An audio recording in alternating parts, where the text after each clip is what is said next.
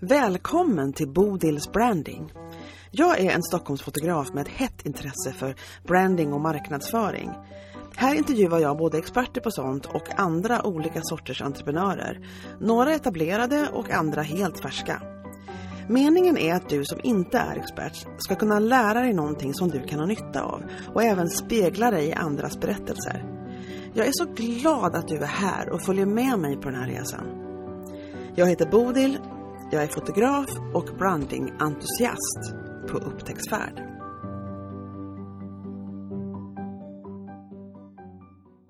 Två år tillbaka var det väl ungefär när jag första gången upptäckte den här livsstilen van life. Och det är ju inte så att, inte, att svenskarna inte har kampat förr. Vi har ju både en historia med husvagnar och husbilar.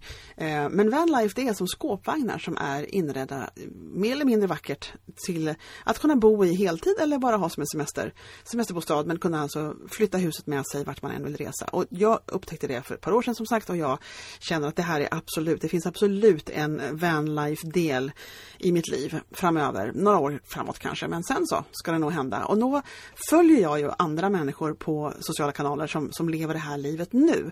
Och ett par som gör det, det är Joel och Indy som har en en, eh, en skåpvagn som de har inrett och som de bor i. De studerar, de har ehm, de tänkte att vi kan väl lika gärna studera på annan ort än att bara vara hemma hela tiden.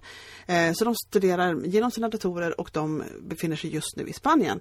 Och då frågade jag om de ville möjligtvis vara med på min podcast och det ville de. Och varför jag ville ha med dem på podden, det är för att de har ett så fantastiskt fint personligt varumärke. De på bygger ett personligt varumärke som är jätte, jättefint och jag, jag beundrar det jobb de gör med detta i bilder, i filmer, i det sättet som de har satt ihop allting på. För ännu så har de inte ett företag, men det kommer att hända snart. Eh, men jag tycker om deras brand och därmed platsar de på den här podcasten. Och jag blev så glad när de sa ja. Så nu ska du få lyssna på, vi pratar vanlife, vi pratar om det sätt de lever på och vi pratar om hur de producerar sina bilder och filmer och hur de tänker runt sin produktion. Hur de har delat upp sina eh, roller inom detta att producera för sociala kanaler och det är väldigt, väldigt spännande. Eh, så här kommer samtalet mellan mig, Indy och Joel. Okej, okay, jag sitter här och stirrar på två människor som jag har stirrat på på andra sätt på telefonen hur mycket som helst. Eh, och, och, här sitter de och ler och pratar liksom live, det är så himla fint. Och det är eh, Indy och Joel. Välkomna hit! Tack så jättemycket! Och ni sitter där med en fina ljusslinga. Ja, men det är så roligt att ha er här. Alltså det, det är så här att jag berättade just för Indy och Joel lite varför podden ens existerar och, och vad vi håller på med här egentligen, vilket jag inte alltid vet. Sånt jag gör vad jag håller på med egentligen. men, men jag hade liksom en, jag, jag kände när jag upptäckte dem eh, för, ja, det måste nog varit ett år sedan, för jag har inte varit så här varje dagare grej, jag har inte varit så här riktigt stakare som en del kan vara. Men jag regelbundet kikar jag in kan man säga så. Eh, och då var det era bilder som jag föll för. Och det var när ni fortfarande inte reste tror jag, utan åtminstone var i Sverige fortfarande. Mm. Men om ni mm. berättar nu lite, för i introt som jag spelade in sen kommer jag berätta varför jag blev så fängslad av just er berättelse, för jag har lite av, av det här livet i min framtid. Men berätta vad, vad ni liksom i princip gör just nu. Just nu så, alltså vi, vi studerar ju på heltid båda två mm. eh, på Folkis och universitetet. Eh, Indra studerar crossmedia och digital produktion, digital produktion mm. vilket är lite allt möjligt som har med digital produktion att göra som podcast, Photoshop, After Effects och jag studerar berättande fotografi. Och så bor mm. vi heltid i en van och reser runt Europa. Ja, jag känner att varför måste vi sitta i en lägenhet i Sverige ja. när vi kan göra det och, samtidigt och vems, vems idé var det från början? Alltså, det var alltid någon som drar första idén, vet jag. Nej, alltså, jag var... vet inte, vi pratade om det här långt, in, alltså, långt innan. Men eh, alltså, sen vi träffades nästan, eh, att ah. vi vill göra det här någon gång. Men ah. så har vi rest hela tiden, inte med van då, utan eh, backpacket kan man säga. Ja, alltså man kan väl säga att det föll sig ganska naturligt för oss att vi, vi, när corona slog till så var vi i Australien och reste runt. Och så helt plötsligt var vi fast i Sverige, vi var tvungna att åka hem då. Helt plötsligt var vi fast i Sverige utan plan, utan hem. Mm. Och så kände vi att nu är vi tillsammans i två år, det är kanske är dags för oss att skaffa en trygg punkt. Mm. Men samtidigt så vill vi inte sluta resa. Och då kom det husbil upp liksom. Mm. Alltså, tror... Det är väl det bästa sättet. Så ja, det bara... Men hade ni följt andra? Hade ni fått idén av, ni måste ju ha sett det någonstans innan. Fast ni kanske har mött den när ni har rest runt förut, när ni backpackade? I Australien är det ju rätt mycket folk som kör just vanlife, okay. fast inte riktigt på den heltidssättet som vi har byggt utan det är mer de åker till, från strand till strand och surfar och ja. Eh, ja, alltså, gör det på helgen kanske. Vi har ju sett det tidigare och sen är, husbilslivet har ju funnits liksom sen bilar kom till. Mm. Ja, Men just det här vanlife, eh, ja. unga kreativa människor som bor i van och reser runt. Det är ju ganska nytt. De senaste 5-10 åren har det tagit fart. Ja. Och vi har ju följt mycket människor på Youtube och Instagram mm. som gör det här. Och så blev mm. vi jätteinspirerade. Jag tänker, men herregud, vi kan ju faktiskt kanske bygga upp vårt egna varumärke, resa runt, jobba med kreativa yrken och samtidigt mm. ha ett hem och alltid komma hem till. Mm. Känns det som att ni har ett hem att komma hem till? Eller så det känns? Eller känns det som att ni vet, vet Gud, att ja. ja, det känns så ja. Mm. Så vi var i Barcelona nu i helgen. Mm. Och då ställde vi bilen lite utanför för att det inte är jättesäkert att parkera inne i Barcelona. Och alltså efter två dagar så kände jag att jag vill bara, jag vill hem. Ja. Jag vill hem till mig. Och hem är då, och hem är då bilen. Ja, ja. Att komma hem, lägga sig i sin egna säng, göra en kopp te. Det. Alltså det här är verkligen hemma. Mm. Det är det mesta hemma jag någonsin haft sedan jag var barn. Liksom. Ja, för varken du eller jag har haft en egen lägenhet eller eget hus i vuxen ålder. Eh, Nej, vi har rest istället. Ja. Vi har ju liksom bott, vi har haft en resväska. Så vi snackar om efter gymnasiet alltså, så då drog ni ut i världen, alltså all, båda två. Vad det ni gjort sen ni har gått ut gymnasiet? Ja, jag stack när jag var 20, 19, 20. Jag, jag stack i mitten av gymnasiet mm. faktiskt och gick gymnasiet utomlands. Och sen ja. efter det har vi, har vi rest. Ja. Mm. Ja men då är det ju, det har liksom varit ett naturligt sätt att leva för er hela tiden i princip. Det var, liksom, det var inte något så här, för en del bryter ju uppifrån liksom, näringslivsjobb liksom, och så säljer allt och liksom, nu bor vi från, vad vet ja. jag, ett stort hus till liksom, en liten van. Då, och det är en väldigt uppbrott och en väldigt, väldigt livsskifte. För er var det lite mer av en sån här mm. glida över i nästa, nästan liknande existens för er när ni gick in och bodde i van. Så lite större nästan? Ja, vi kände oss ja. nästan lite vuxna där. Ja. Men herregud, ska vi, ska vi ha sex kvadratmeter? Ska vi ha en egen kaffebryggare? ja men precis, ska vi kunna liksom rinnande vatten och ja. vi har inte bara 30 kilo i resväska. Men gud nej. Ett Kanske för er blev det som att köpa ett hus, fast tvärtom för er lite grann. Så. Det var verkligen det var så. Det. Ja, det, det är nog det de flesta tänker så här oh, gud, det är väldigt många frågor vi får. Men hur var det liksom? Hur klarar ni av att downsiza ja. och leva minimalistiskt? Och vi bara, alltså det är inga problem. Vi har upsizat. Det är mycket space. ja. ja men vad kul, vad roligt. För, men då lär det ju liksom, då kanske ni är sådana som, man vet ju aldrig vad som händer i livet, men det är klart att en dag sitter ni där med er femrummarvilla, det får vi se vad som händer. Men Jag satt just och pratade med min dotter igår som är på höstlov och vi hade en liten brunch på ett ställe som är jättedyrt och jättegott. Eh, och eh, då jag plugga dem kanske, det är så dumt att man sätter dem dyra, då ska man inte säga vad de heter efter det, ska man det? Eller ska man, det kanske är som att de tycker att... Säg vad det heter. Är inte där att säga att vi är dyra, vilket, men det är, de, bra, det är värt pengarna, om vi säger så då. Det är värt pengarna. Och det heter Stockholm Brunch Club som är väldigt gott i Stockholm. Eh, I alla fall, that's not the point. Så var det så att hon, vi pratade just om det här med Ehm, att se framåt och liksom att, att jag tror väldigt mycket på att man liksom kan skapa det man vill ha. Alltså, det låter ju jätteflummigt det här. Men jag tror att man, det finns mycket man kan liksom åstadkomma som en del människor känner att de inte ser visionerna.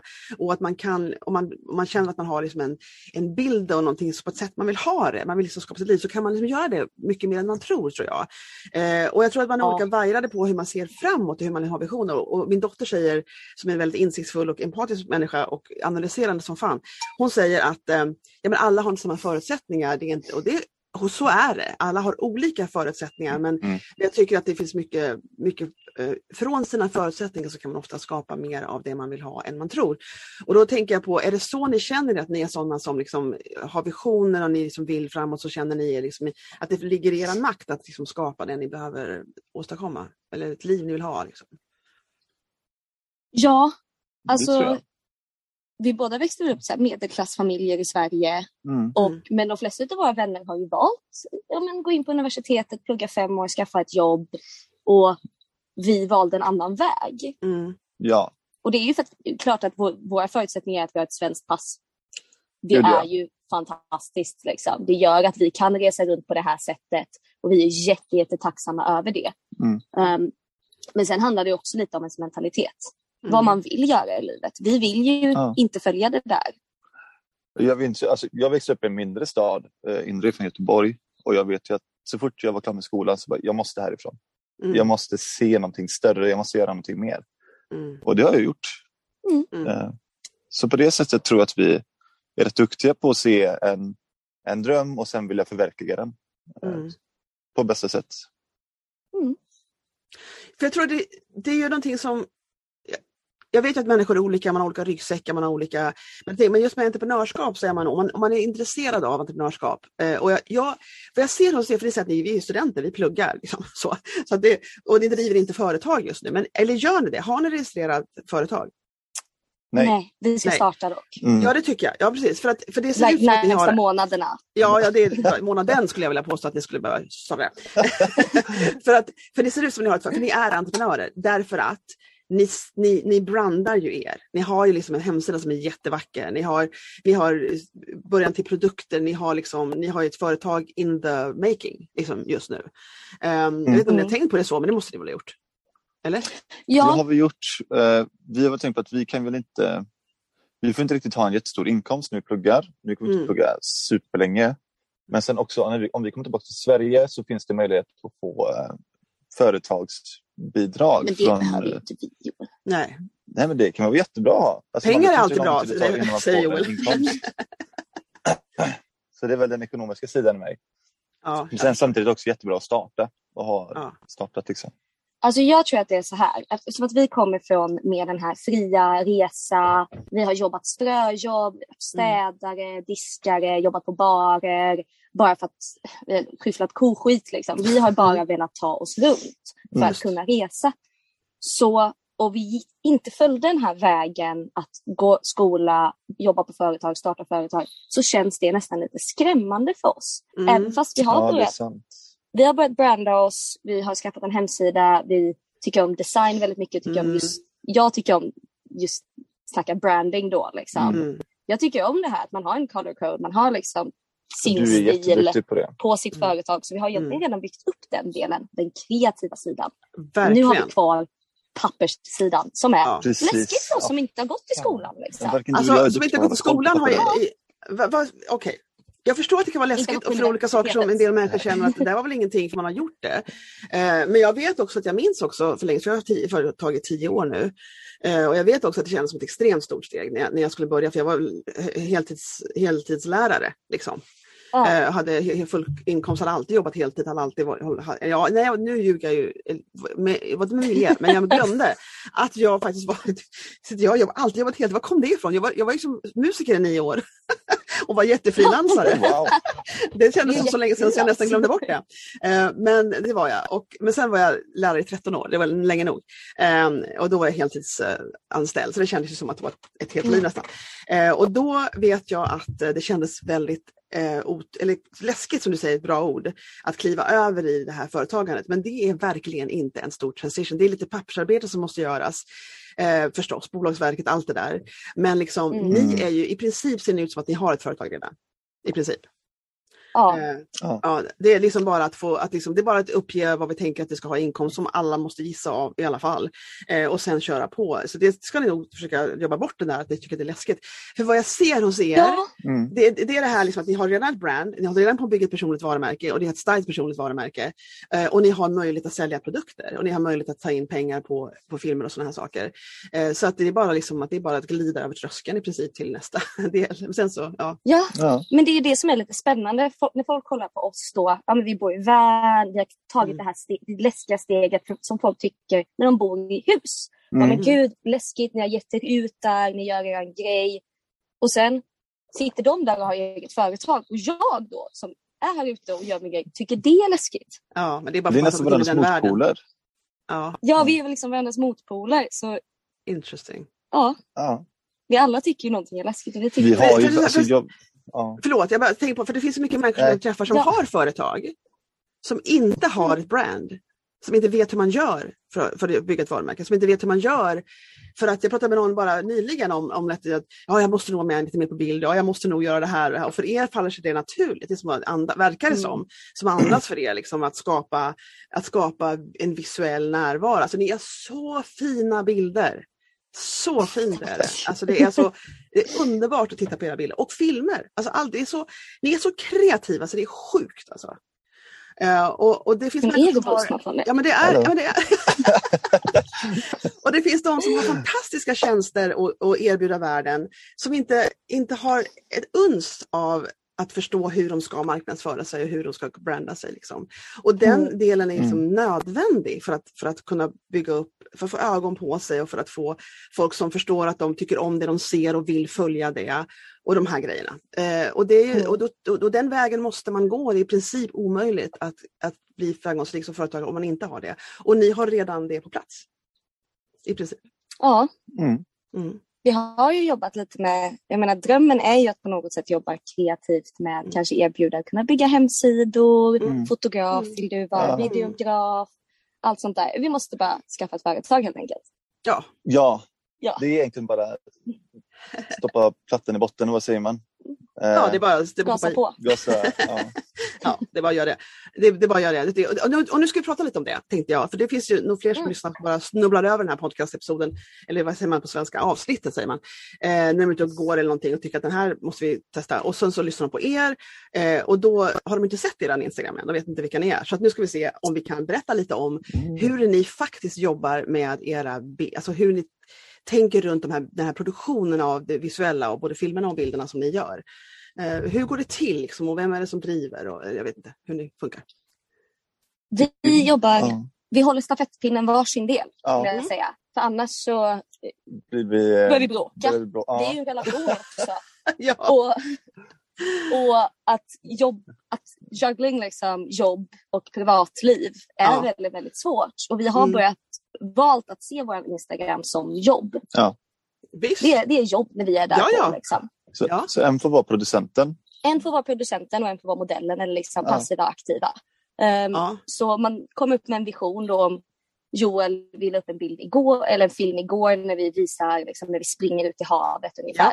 Och då var det Joel som var producenten. Och då, Mm. hur mycket jag än ville liksom sitta där, vi kan göra så här istället, vi kan göra så här istället. Fick jag liksom tona ner det och så får han vara, Tills jag har gjort min vision och sen så kan man säga då, ja, men Mm. jag tänker att vi kanske kan göra så här. Och så Ja. provar vi det också.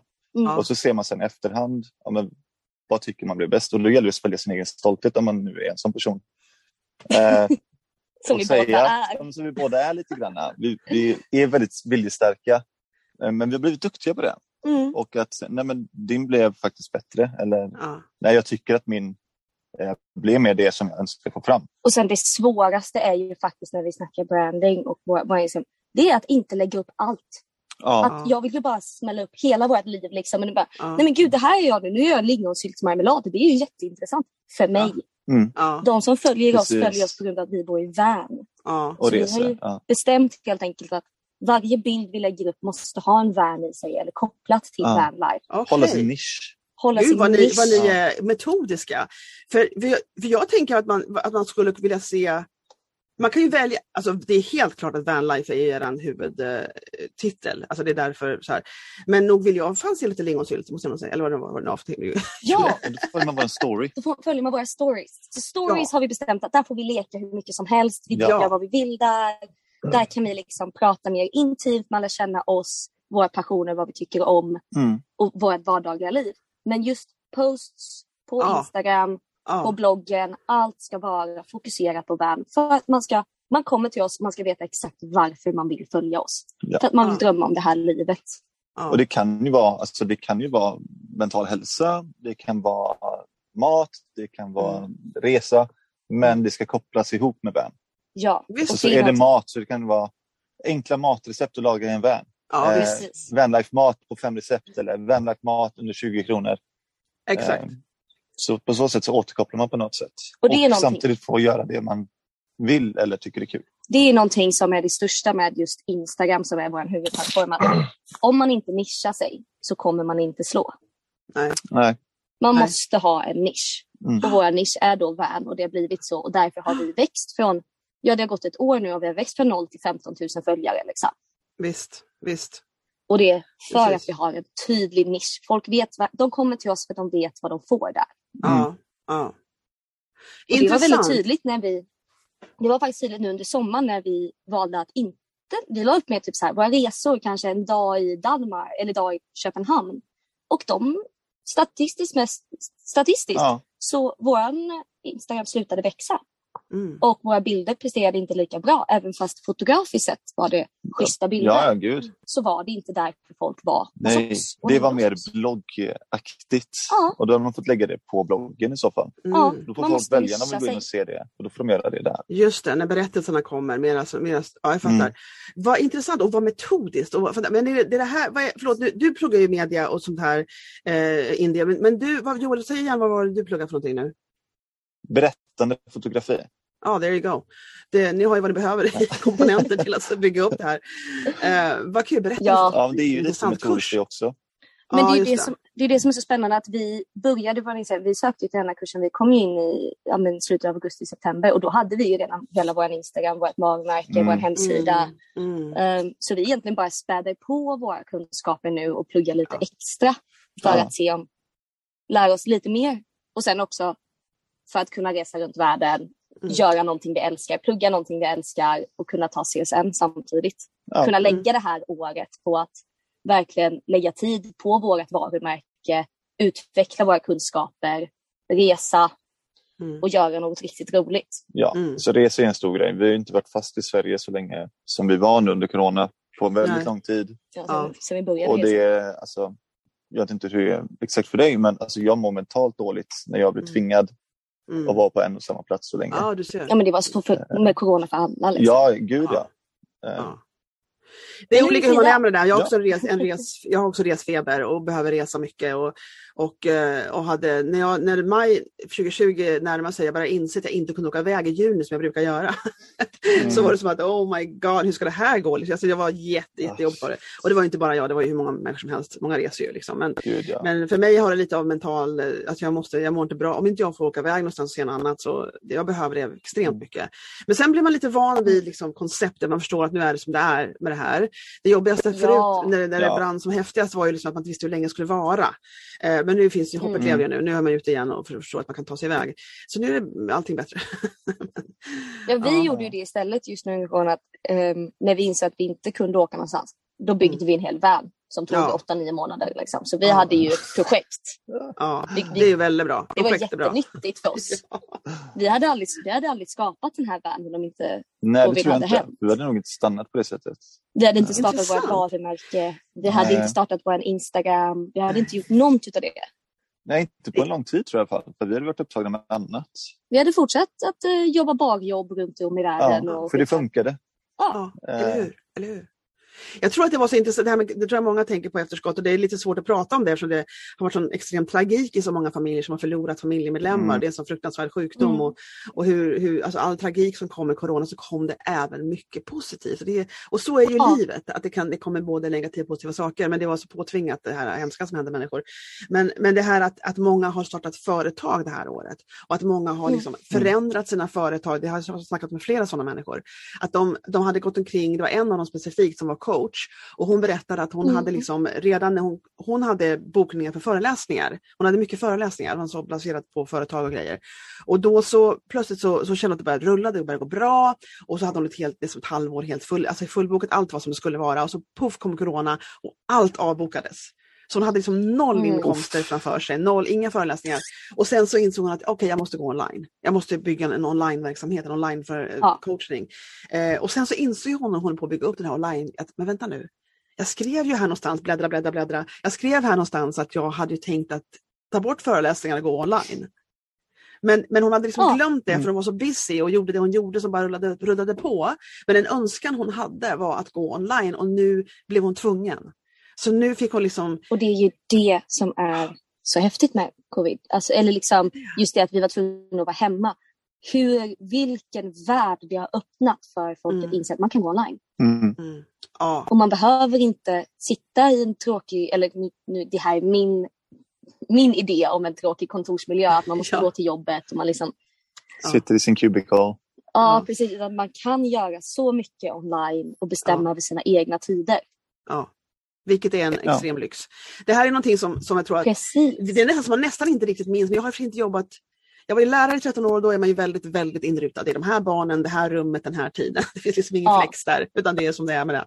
Eh, men, men, liksom, eh, men jag är väldigt kreativ och läraryrket i sig förut, nu tycker jag det är lite mer inrutat, men, men det var liksom eh, väldigt kreativt yrke. Man kunde liksom forma upp det som man ville med de här barnen och det var väldigt interaktivt och väldigt kreativt. Eh, tills det Mm. blev mycket, mycket, tills skolan tycker jag förändrades i sitt väsen. Så jag stördes inte så mycket av att vara så pass låst, för jag kunde vara kreativ och jag genomförde i det här Mm. rummet. Liksom. Eh, men det här att vara låst till en plats och en tid och inte ha någon makt över det. Och sen är man med om som, som, e, som egen, eller på något, vad man nu har för möjlighet till flex. Liksom.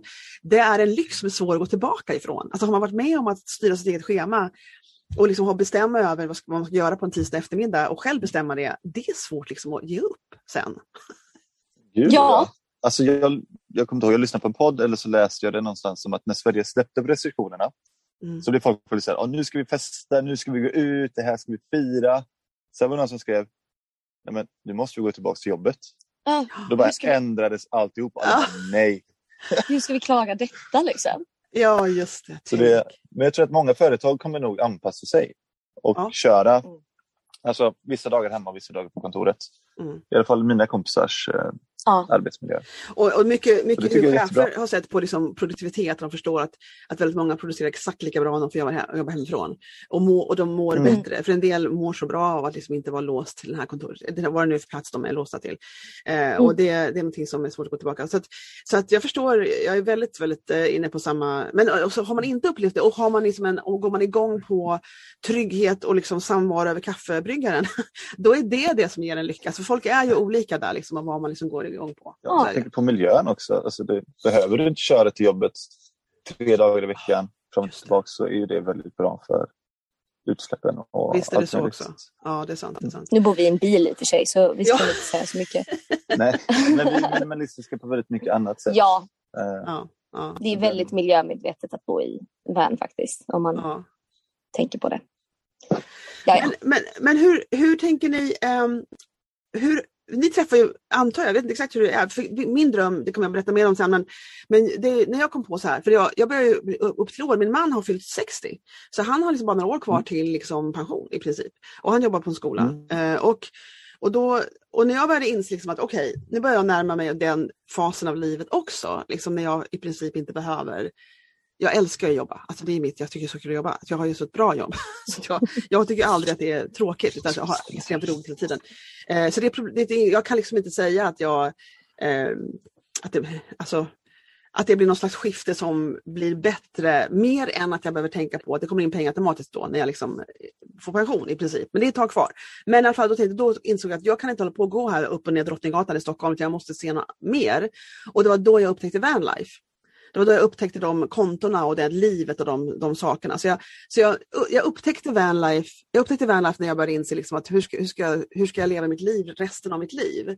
När jag liksom inte behöver när pengarna kommer automatiskt. Eh, så vanlife det är vår plan nu, att det kommer vi att göra sen. När, liksom, när, när Det är fantastiskt. Ja, ja, det känns fantastiskt roligt. Och, och jag har, vi följer hur mycket, folk- liksom, inte, jag vet hur det ska se ut, jag vet precis hur det ska vara och allting. Eh, men vad skulle ni säga är, liksom, för nu är ni sådana extremt eh, resande själar, men vad skulle ni säga är ehm, ehm, någonting som ni inte hade förväntat er, som var lite tufft med att leva som ni gör? I levandet eller i byggandet? Levandet menar jag. Alltså det kommer alltid vara tuffa tider. Liksom. Man kommer alltid, bara för att man bor i en van så försvinner inte alla ens mentala problem. Eller liksom. Nej, men Det är lite som att bara för att du har pengar så betyder det inte att du är lycklig. ja, Nej. Eh, och jag tror att det finns, det finns många aspekter. Det beror på hur du är som person. Men för oss kan det vara jobbigt ibland om man inte får så mycket eget space. tror jag. Mm, ja, det är ju det här. Vi bor ju två personer på sex kvadratmeter i endast ett Ja. rum. mm. Vi älskar att umgås men ibland så behöver man kunna vara Ja. själv. Nu har vi Ja. dock väldigt, väldigt tur att vi, vi är väl, vi, vi kan ha egen tid i samma rum. Mm. Vi kan Ja, kolla måste ju- liksom, på vår egen. Det måste ju nästan vara en eh, förutsättning att man klarar det. Att man någonstans ska gå in i sin Ja. egen bubbla om man bara har ett rum. Så att, eh, Men jag skulle nog säga att det tuffaste med van life som man inte riktigt var beredd på var hur mycket problem, vardagliga problem det är. Ja. Vattentanken är tom, vattentanken Mm. svämmar över, toaletten måste bytas, elen är slut, Mm. punka på däcket nu igen liksom. Just. Det Man får Alla- vara en problemlösare. Ja, alla de här små sakerna. Och sen har vi också byggt vårt hem själv. Ja, nej, Ja. nu gick den sönder. Nu måste Ja. vi ju... Det är så himla... Så är det säkert för husägare också. Men Ja. det är så mycket småfick hela tiden. Mm. Men när man bor i van så är det vardagliga. Man måste ha koll på sitt vatten, sin Mm. toalett, sin el, Mm. sin gas. Mm. Alla sådana här vardagliga saker som bara funkar i ett hem. Ja, Mm. Knäpper på knappen och lampan tänds. Liksom. Det gör det Just inte här. För du inte har sol, då kan du inte knäppa på knappen och då slutar kylskåpet funka. Och då avfrostas det automatiskt och så har du vatten över hela golvet och så Ja. har du ingen el och så kan du inte jobba. Och så, Ja. Sådana saker var vi nog inte så beredda på hur Hur mycket, mycket det händer. det skulle vara, nej. Men sen är det inget problem. Nej, jag. man löser ju det. Ja, Man löser Men jag det förstår att det är har motgående, att det är sådana saker som är lite stressande och, och man blir nog bättre och bättre på att lösa det. Man, man, man lär sig Ja. av att förebygga en Mm. del saker, kanske om man har varit med om det typ fem gånger. Så inser man, ah, okej det här funkar Mm. uppenbarligen inte, då måste vi hitta på ett annat system eller något sånt där. Mm. men som mycket annat så har det en tendens att alltid hända precis när det inte ska hända. om man ska Mm. Säga. man ska precis gå, Åka någonstans eller ja, som den gången jag skulle flyga hem till Sverige och vi skulle bara vi skulle laga något, en god måltid på kvällen. åka en matlåda. Klockan är halv åtta, halv nio på, natt, på kvällen. Liksom. Jag ska flyga klockan fem på morgonen och våran gas till slut. Och i, inget är öppet liksom. Nej, Och vi har ingen och vi står där med en hel fisk kall. ja, Liksom. Och är bara, vad gör vi med den här? Vi har ingen mat, ingenting är just det. öppet, vi Ja. ja. plan. Så sådana där saker är ju lite, det är lite jobbigt ibland. Men ändå så är det ju, Vi åkte och köpte en grill. Vi åkte och Ja, köpte det en grill och fick stå och grilla klockan tio Naturligtvis. på natten. Liksom. För sån hade ni inte För det förut. fanns Skönt. inget annat. Och nu har ni en grill. Det Precis, precis nu har har vi en grill som är jättebra. Ja, fantastiskt. Ja. Ja. Ja, det, det- men, det, men det där är också någonting som man, om man väljer, det blir ju mer spartanskt, det blir mycket mer som ni säger vardagsproblemlösning och sådana saker. Och, och, det här är, och det här är någonting som man bygger upp, så här, em, uthållighet med att lösa de här problemen som man inte behöver göra i ett bekvämt liv i någon lägenhet som kanske någon annan äger som Mm. fixar allting om det går sönder. Eh, och det här är någonting som jag också märker att när jag, när jag startade mitt företag så under den tiden som jag, som jag drev det i princip i början där så så blev det mycket problemlösning och det är det är ju det ni pratar om nu är en annan sorts kanske liv men det är ändå i livet i allmänhet fast, fast en del små praktiska saker inte naturligtvis fungerar automatiskt för människor.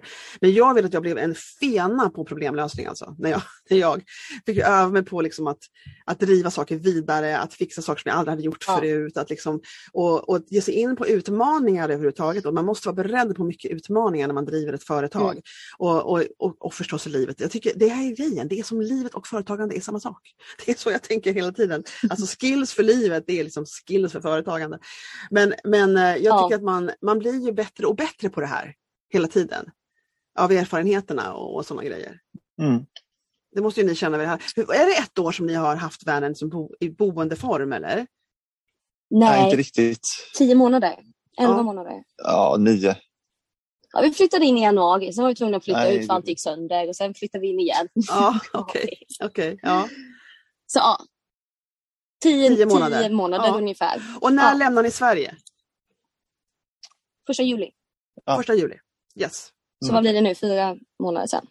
Ja, Ja, augusti, september, oktober. november. Ja, fyra. Mm. ja, just det. Precis. Spännande. Tänker ni, hur tänker ni framöver? Ska ni vara i Sverige på somrarna eller ska ni... Eller spelar det ingen roll för er? Vi får se vad som händer.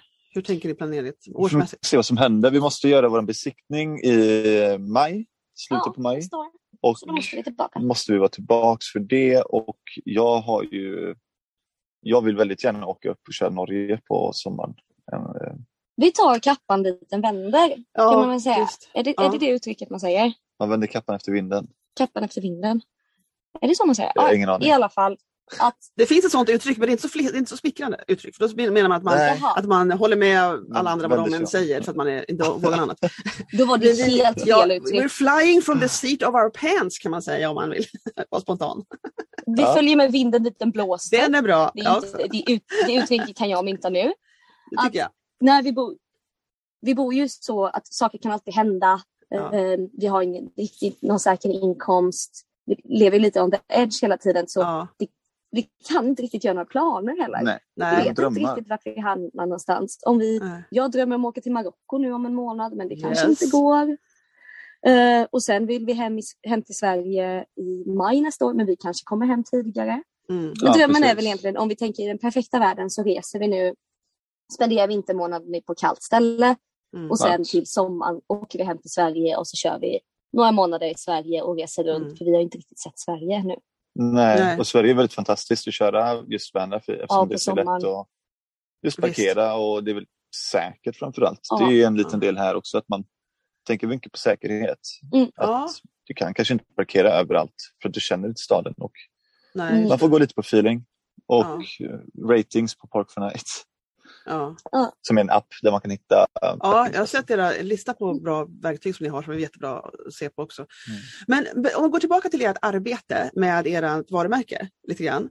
Ja. Eh, och jag tycker det var så spännande när ni sa att ni, att ni verkligen har delat upp rollerna inför, inför nya eh, kreativa projekt kan man säga, då. det kan vara korta eller långa. Ja. Eh, och, och då funderar jag på, liksom, har, ni, har ni lärt er några nya skills som ni inte kunde när ni började bygga det här varumärket, om man säger så? Alltså, för jag till exempel, jag skulle börja min första Oj. podcast. Ja, ni har det. Jag tänkte väl det. För när jag skulle börja med min första podcast visste jag nada om podcasting, alltså ingenting.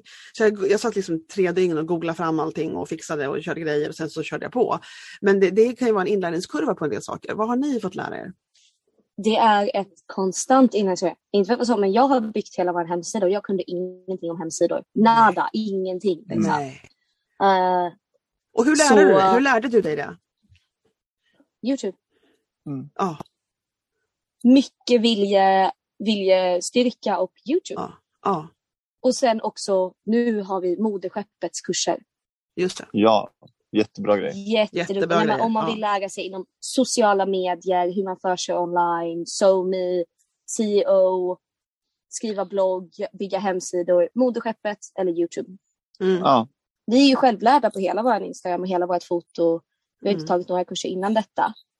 Och det största är väl att man ska ha ett stort driv inom det. Att man ska vilja lära sig. Och om man Mm. inte vill lära sig bygga en hemsida, då är det bäst att betala någon som gör det. För då Visst. blir det bäst. Liksom. precis. Mm. Mm. Man ska outsourca det. Man inte känner att man vill fokusera på inom sitt egna företagande så ska man outsourca det till Ja, någon som absolut. genuint är intresserad av det. För Mm. annars kommer man ju tappa glöden. Mm. Ja, alltså bara stå och trampa blir inte någon glad utav. Nej. Tycker jag. Mm. Så vi, vi lär oss ju konstant. Mm. Eh, jag tror att vi har... Jag vill ju kolla på typ en modeskeppskurs per vecka för Mm. att lära mig mer, Mm. utvecklas. Mm. Och sen handlar det mycket om att, att våga. Mm.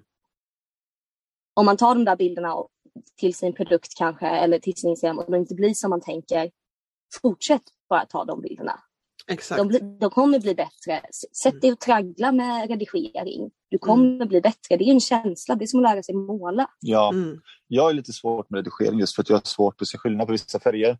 Mhm. Men med hjälp av Indra så har jag ju lärt mig att bli Jo, rätt fotar. duktig. Jag redigerar. Ja, ja, Ja. bra. Oftast. Precis. Ja. För att annars så kommer jag och Mm. saker som ska vara bruna är orangea och tvärtom. Ja, just det. Ja. Ja, men alltså har man, och det här är också något som är extremt viktigt när man, när man eh, försöker utveckla någonting och ett företag så är det att man, eller man måste liksom och i livet, som jag alltid säger typ 17 gånger per avsnitt, eh, så är det ju så att, att man liksom måste eh, känna igen sina styrkor och eh, eller göra en självinventering. Liksom. Man kan alltid lära sig nytt. Jag säger inte att man måste liksom stagnera och nu är jag framme vid allt jag vill lära mig i resten av livet. Så är det ju aldrig. Men liksom, det finns, man har vissa saker som man också går igång på, saker gör en lite miserable om man måste, är tvungen att jobba med det. Och då måste man se till att man, liksom, man Mm. ägnar sig åt det som kan blomma för att man redan har förutsättningarna. Och sen så låter man det andra Mm. vara. För det, det är så mycket det här att man pratar om att man ska, på arbetsintervjuer kan det vara så att de säger vad är dina styrkor och liksom, då kan man säga Ja, dem och så svagheter ska man liksom utveckla och bli bättre på. Och, jag, och liksom, jag vet inte Mm. om ni känner till Gary Vee, den, en, ja, han har med, ett stort, stort, stort medieföretag och en stor, ut, han, mycket föreläsningar och mycket, om, eh, mycket content om eh, företagande och utvecklande. Och så här. Gary Vee heter han, VE. Han säger att, Mm. att em, man ska i princip bara ägna sig åt det man, man, man är stark på. i princip. Om man inte tycker det är lustfullt Mm. att lära sig något helt nytt. Men det finns liksom vissa grundegenskaper som man har. Och det finns liksom ingen, ingen eh, mening att lägga tid på att utveckla annat. Om man liksom inte känner att det känns roligt, en utmaning eller någonting. Eh, Ja. och det är Så så, det är man kommer intressant. snabbare framåt. Liksom. Jag har just Mm. pratat, eller jag har haft det här i, i min utbildning just nu och det handlar ju om hur du värderar din tid. För om du säger att du har ett visst antal, typ, han tog eh, parallellen till eh, dominobrickor. Mm. Det här är alla dominobrickor du någonsin kommer ha i ditt liv. Mm. Och hur du väljer att placera dem bestämmer ju hur högt det här tornet kommer bli inom typ Mm. fotografi Mm. eller inom eh, något annat kreativt, måla eller laga mat. Så väljer du att göra väldigt mycket så kommer varje torn att vara rätt lågt. Mm. Men om du fokuserar väldigt mycket på en grej så kommer det tornet vara väldigt högt. Ja. Ju mer tid du lägger på någonting, ju mer kommer du lära dig. Ja, Ja, och då, och då är det viktigt att välja något det som man blir lycklig av. Eller hur? Man måste ju gå på det som Precis. man går igång på, som man blir lycklig av. För, att, eh, för jag tror en del liksom, jag har mött sådana, som liksom känner en otillräcklighet och tycker att det finns ett värde i att att liksom fila på det som de inte är bra Och jag tycker att, att de underskattar värdet av att satsa på sånt som gör en lycklig. Liksom. Det är ju så Försöka- viktigt. Ja, och det, Mm. och det är så ni lever, att sortera bort, liksom, sortera bort och, och inte, inte se det som en moralisk, liksom, ehm, en god moral att utveckla sånt som man suger på och hatar. Liksom, i princip. Mm. Ja, ja. Ja. och det gäller ju alltid i livet tänker jag. Alltså inte bara inom entreprenörskap och business utan även vänner och familj. Alltså, Visst. för det går ju ändå ihop. Alltså, ju mer Mm. tid du lägger på jobb desto mindre tid kommer du ha för familj. Mm, Eh, och där får man också balansera vad som är viktigt i livet. verkligen. Det här är ju så intressant för att vi pratar, jag har lurat lite grann, haft jag har flera intervjuer, ni, vad har jag haft publicerat nu? 27 avsnitt tror jag publicerat. Och eh, Mm. jag tänker mycket på, och vi kommer in på det ibland runt företagen om det här med, inte så ofta men det händer, det touchar ner på det ibland med olika företagare, om det här med prissättning, om man ska ta betalt för saker och, och sådana grejer. Och ibland Mm. tänker jag att jag ska ha några sådana temaavsnitt som inte är generellt om, deras, om historien och entreprenörskap och branding utan ha, nu tar vi ett om prissättning, nu tar vi ett om, om det som vi Mm. pratar om nu, ägnar dig åt det som gör dig lycklig, att utveckla svensk Jag funderar på några temaavsnitt så småningom faktiskt. Och då kan ett av det här vara det här med hur man, vad man ska satsa på. Att, att inte vara rädd, att respektera rösten inom sig som säger att den här grejen här, det är den jag egentligen vill göra. Liksom.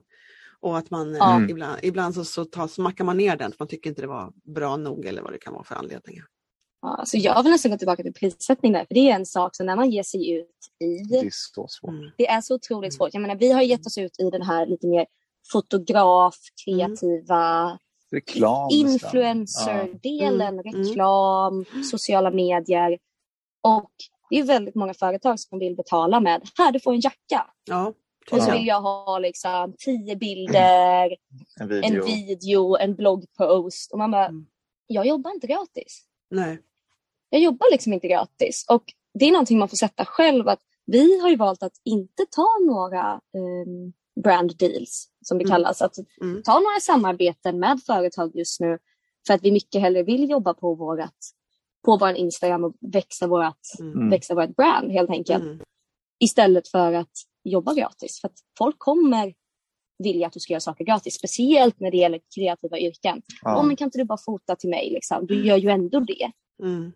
Man måste liksom nästan stå sin ground lite där. Att, Mm. Nej, Nej men alltså det är absolut.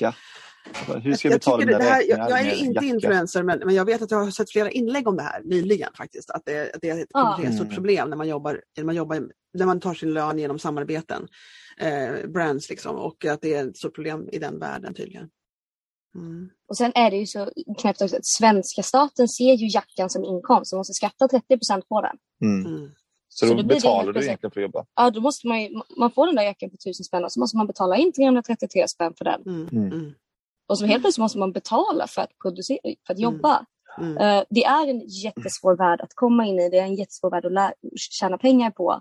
Mm. Ehm, men det är också ett långsiktigt mål. Liksom, att man, Mm. man får långsamt bygga upp det Absolut, jag tror ju starkare natten. varumärke man har själv, ju mer har man att säga till om. Ju mer är man ju som sagt värd i samarbetssynpunkt. Så att, att bygga, börja bygga upp någonting eget och inte, inte från början hänga upp det på andras varumärken. Alltså, jag tycker det är smart. Alltså, Jag Ja. förstår att folk vill att det lockar. Jag, är inte, jag, jag jobbar inte alls på det sättet, men jag, jag säljer produ- produkter och tjänster, det är vad jag säljer.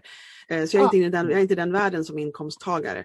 Men jag tänker oftast liksom att ju mer man bygger upp sitt eget och blir starkt nog så att folk vill vara med. Alltså det, det har ni redan upplevt, folk vill ju vara med. De, men de, ger, men de har inte, de, det är inte riktigt fullt så värdefulla så att de förstår att det här måste vi betala liksom, för att få den här kvaliteten, för att få de här, det här, den här mm. sammankopplingen.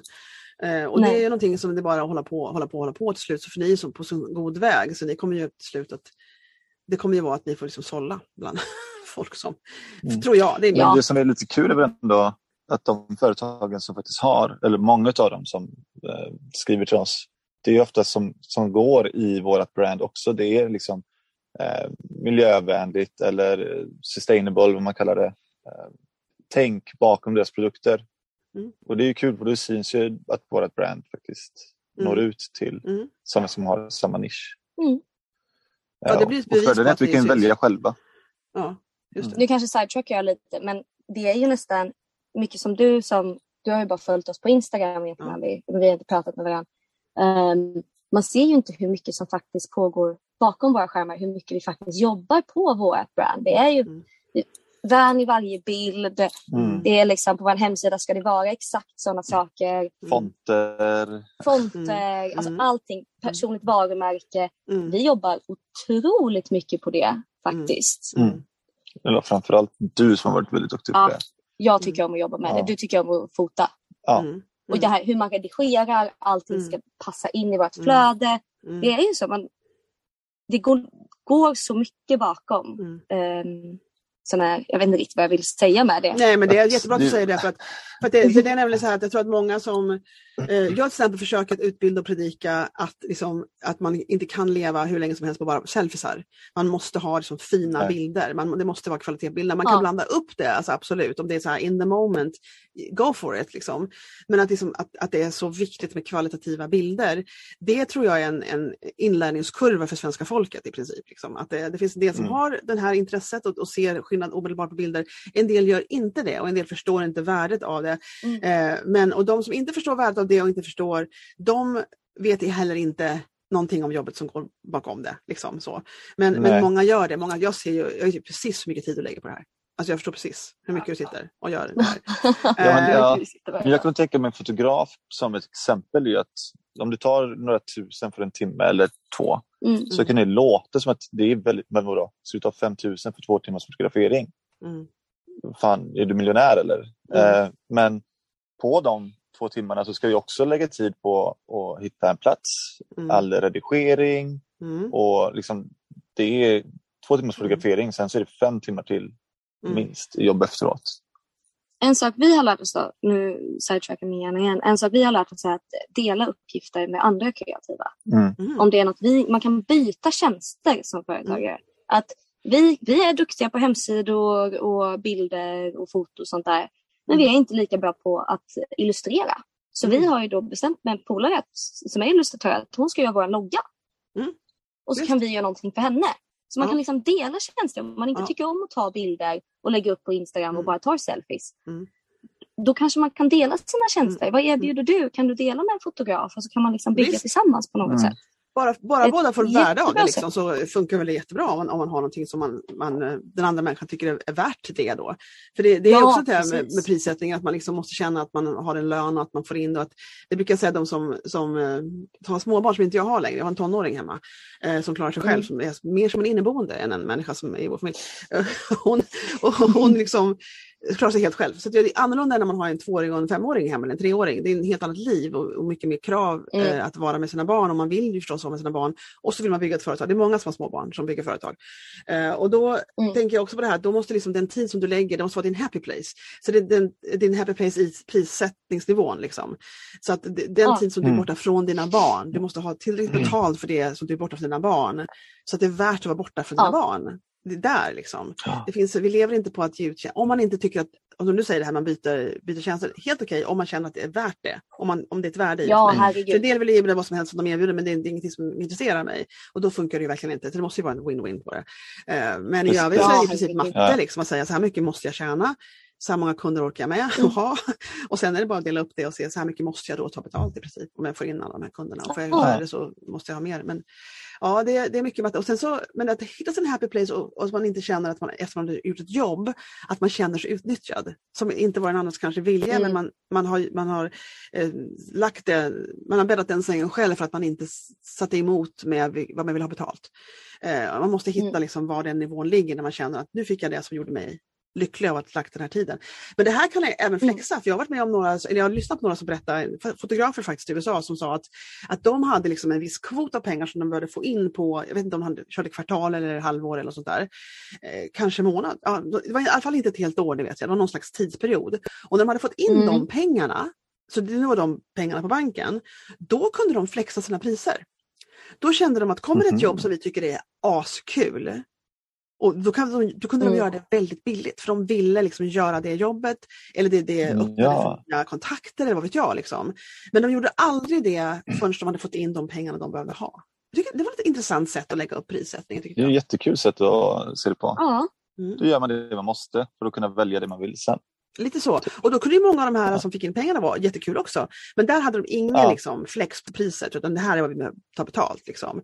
Och sen gjorde de saker lite på projektstatus om det var något som var roligt nog som kom upp. För återigen så är det här det var ifrån det är tid som man lägger på någonting och det måste ge en mm. värde mm. på något sätt. Liksom. Stimulans, kontakter eller, liksom, eller cash. Liksom. Så. Mm. Ja, eller utveckling. Eller utveckling, ja. absolut. absolut. Mm man hittar ju det som är värt någonting för en själv. Och, och det är viktigt. Så det, för ja. en, del, en del tror jag baserar mycket på att man känner att alltså det ligger ju ett självkänsle, det är som att prislappen är liksom, ja. det här är jag värd. och då kan det vara lite jobbigt att säga.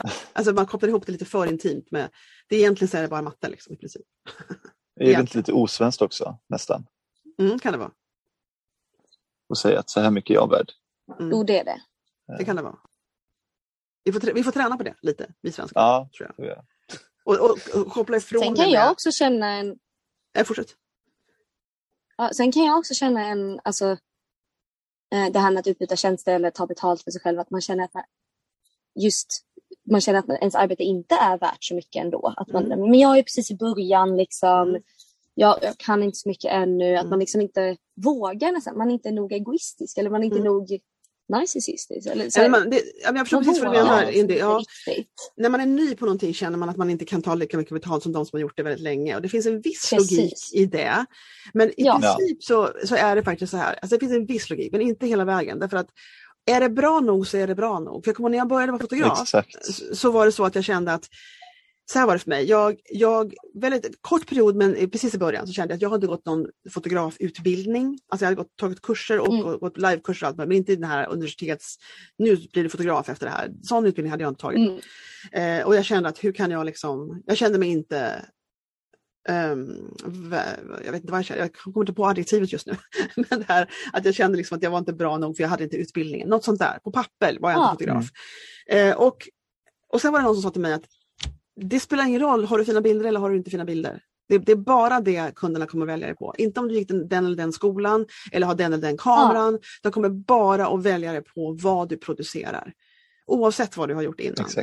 Eh, och det, det tog jag till mig. Det tog jag till mig. Och, och, insåg, mm. och, och, så nu ser jag ju kunder som kommer tillbaka till mig till fem år senare och inser hur mycket jag har utvecklats. Och så jävla bra var det inte då. Men, eller för länge sedan, nu har jag på tio år, men kanske var länge sedan. Men det visste jag inte då. Men då vet jag att jag började ta, jag hade en fotograf i området som jag tittade på hennes, för jag visste, jag hade noll koll på prissättning, noll koll på vad saker skulle kosta och jag visste ingenting om i princip någonting när det gäller siffror mm. på ett företag. Eh, så jag bara tog hennes priser rakt av. Och hon hade hållit på kanske i åtta år vid det laget. Men jag känner att jag har ja. verkligen ingen koll. Så jag, hon tydligen så är det så här, mm. man tar betalt för en 2030. Alltså jag hade mycket så att man printade ut och inramat och sådär. För familjer och bebisar och så. Mm. Och då så tänkte jag att jag har ju absolut ingenting att grunda någon annan teori på så jag får bara ta hennes priser rakt av. Och, och det gjorde jag. Mm. Liksom. Och det var liksom ingen som blinkade ja. över det. Nej. nej, alltså nej. antingen får det ja eller så får det nej. Ja. Får det ett nej av allihopa, Absolut. då kanske man får sänka lite. Ja, jag tror, att man, jag tror att man återigen måste göra lite av den här, jag tror inte man, man mm, jag förstår känslan av att känna att man inte är tillräckligt erfaren eller tillräckligt bra. Men jag tror att man måste Mm. bara bestämma sig för rent mattemässigt, så här mycket vill jag faktiskt ha i lön från ett sånt här jobb. Ja. Eh, och liksom koppla det ifrån alla andra värderingar i princip. Utan bara teoretiskt, så här, den här siffran behöver jag ha. Liksom. Eh, och då, Eller hur så, mycket jag vill betala. Nej, det behöver du inte, det du tänka på alls. Nej. Det behöver du aldrig tänka på. Nej, Inte? man ska bara sätta sitt Nej. Ja, du, du, för det finns nämligen alltid en lyxmarknad. Du kan bestämma dig för ett väldigt högt pris som du aldrig skulle kunna ha råd med den här månaden, men andra människor har råd. Ja, det är sant. Det är en bra Ja. punkt. Det är inte din plånbok. Man ska alltid utgå från vad man själv eh, vill ha betalt. Ja. Och vad du tycker att du, så att, för det är många som lever i andras plånböcker, det finns ingen Okej. anledning. Och de kanske har fått ett arv på 250 000 alldeles nyss och tycker att det här är värt att lägga tid på. Liksom. Man, de, Ja. Det handlar om folk vad de tycker är värt. Liksom. Och, det har du, och vad du Mm. kan betala den just den månaden har inte med saken att göra i princip. Utan det är lite mer om vad de tycker är värt. Och, Okej. och så. Mm. Eh, så det är intressant. Och det, så man ska sluta köpa åt folk utan låt dem köpa själva. Liksom. Och, och, då, och då tror jag ibland så det kan vara svårt att ta upp de här siffrorna men alltså i princip så är det ju det är i princip tillgång och efterfrågan. Om du har ett visst pris, du erbjuder grejer, de ser dina produkter, de ser, för ni kommer ju ha visuella saker, tjänster och produkter, så är det ju så att de kommer att säga aldrig i livet att jag betalar för det här. Eller så kommer de att göra det. Och sen när man har Mm. nästan för mycket jobb, det här är också en grej som jag fick lära mig tidigt, när man har för mycket jobb, man har liksom så mycket kunder som man inte kan säga ja, man har för mycket jobb helt enkelt, då höjer man priserna. Då är det för billigt. Ja, Då är det upp med priserna och då sorteras folk ut av sig själva. Liksom. För då har tycker de det är Ja. för mycket pengar. Men då kommer nästa skikt av människor som tycker det är värt det. Och så, så hittar man liksom en balans så småningom. Och så är man fullbokad och har för mycket jobb, i princip kan man utgå från att då är man för billig. Jättebra tips. Smart tips. Tål att Ja. tänka på. Vi Ja. är ju just nu, vi har ju satt priser på vår Instagram då, eller på våra samarbeten och så där, som är alldeles för höga för människor. För Mm. andra människor med tanke på att den svenska marknaden funkar på ett annat sätt än den utländska marknaden. Mhm. Med tanke på att vi skattar så otroligt mycket mer i Sverige Mm. så är svenska företag införstådda med att det kostar mer Mm. att anställa en influencer.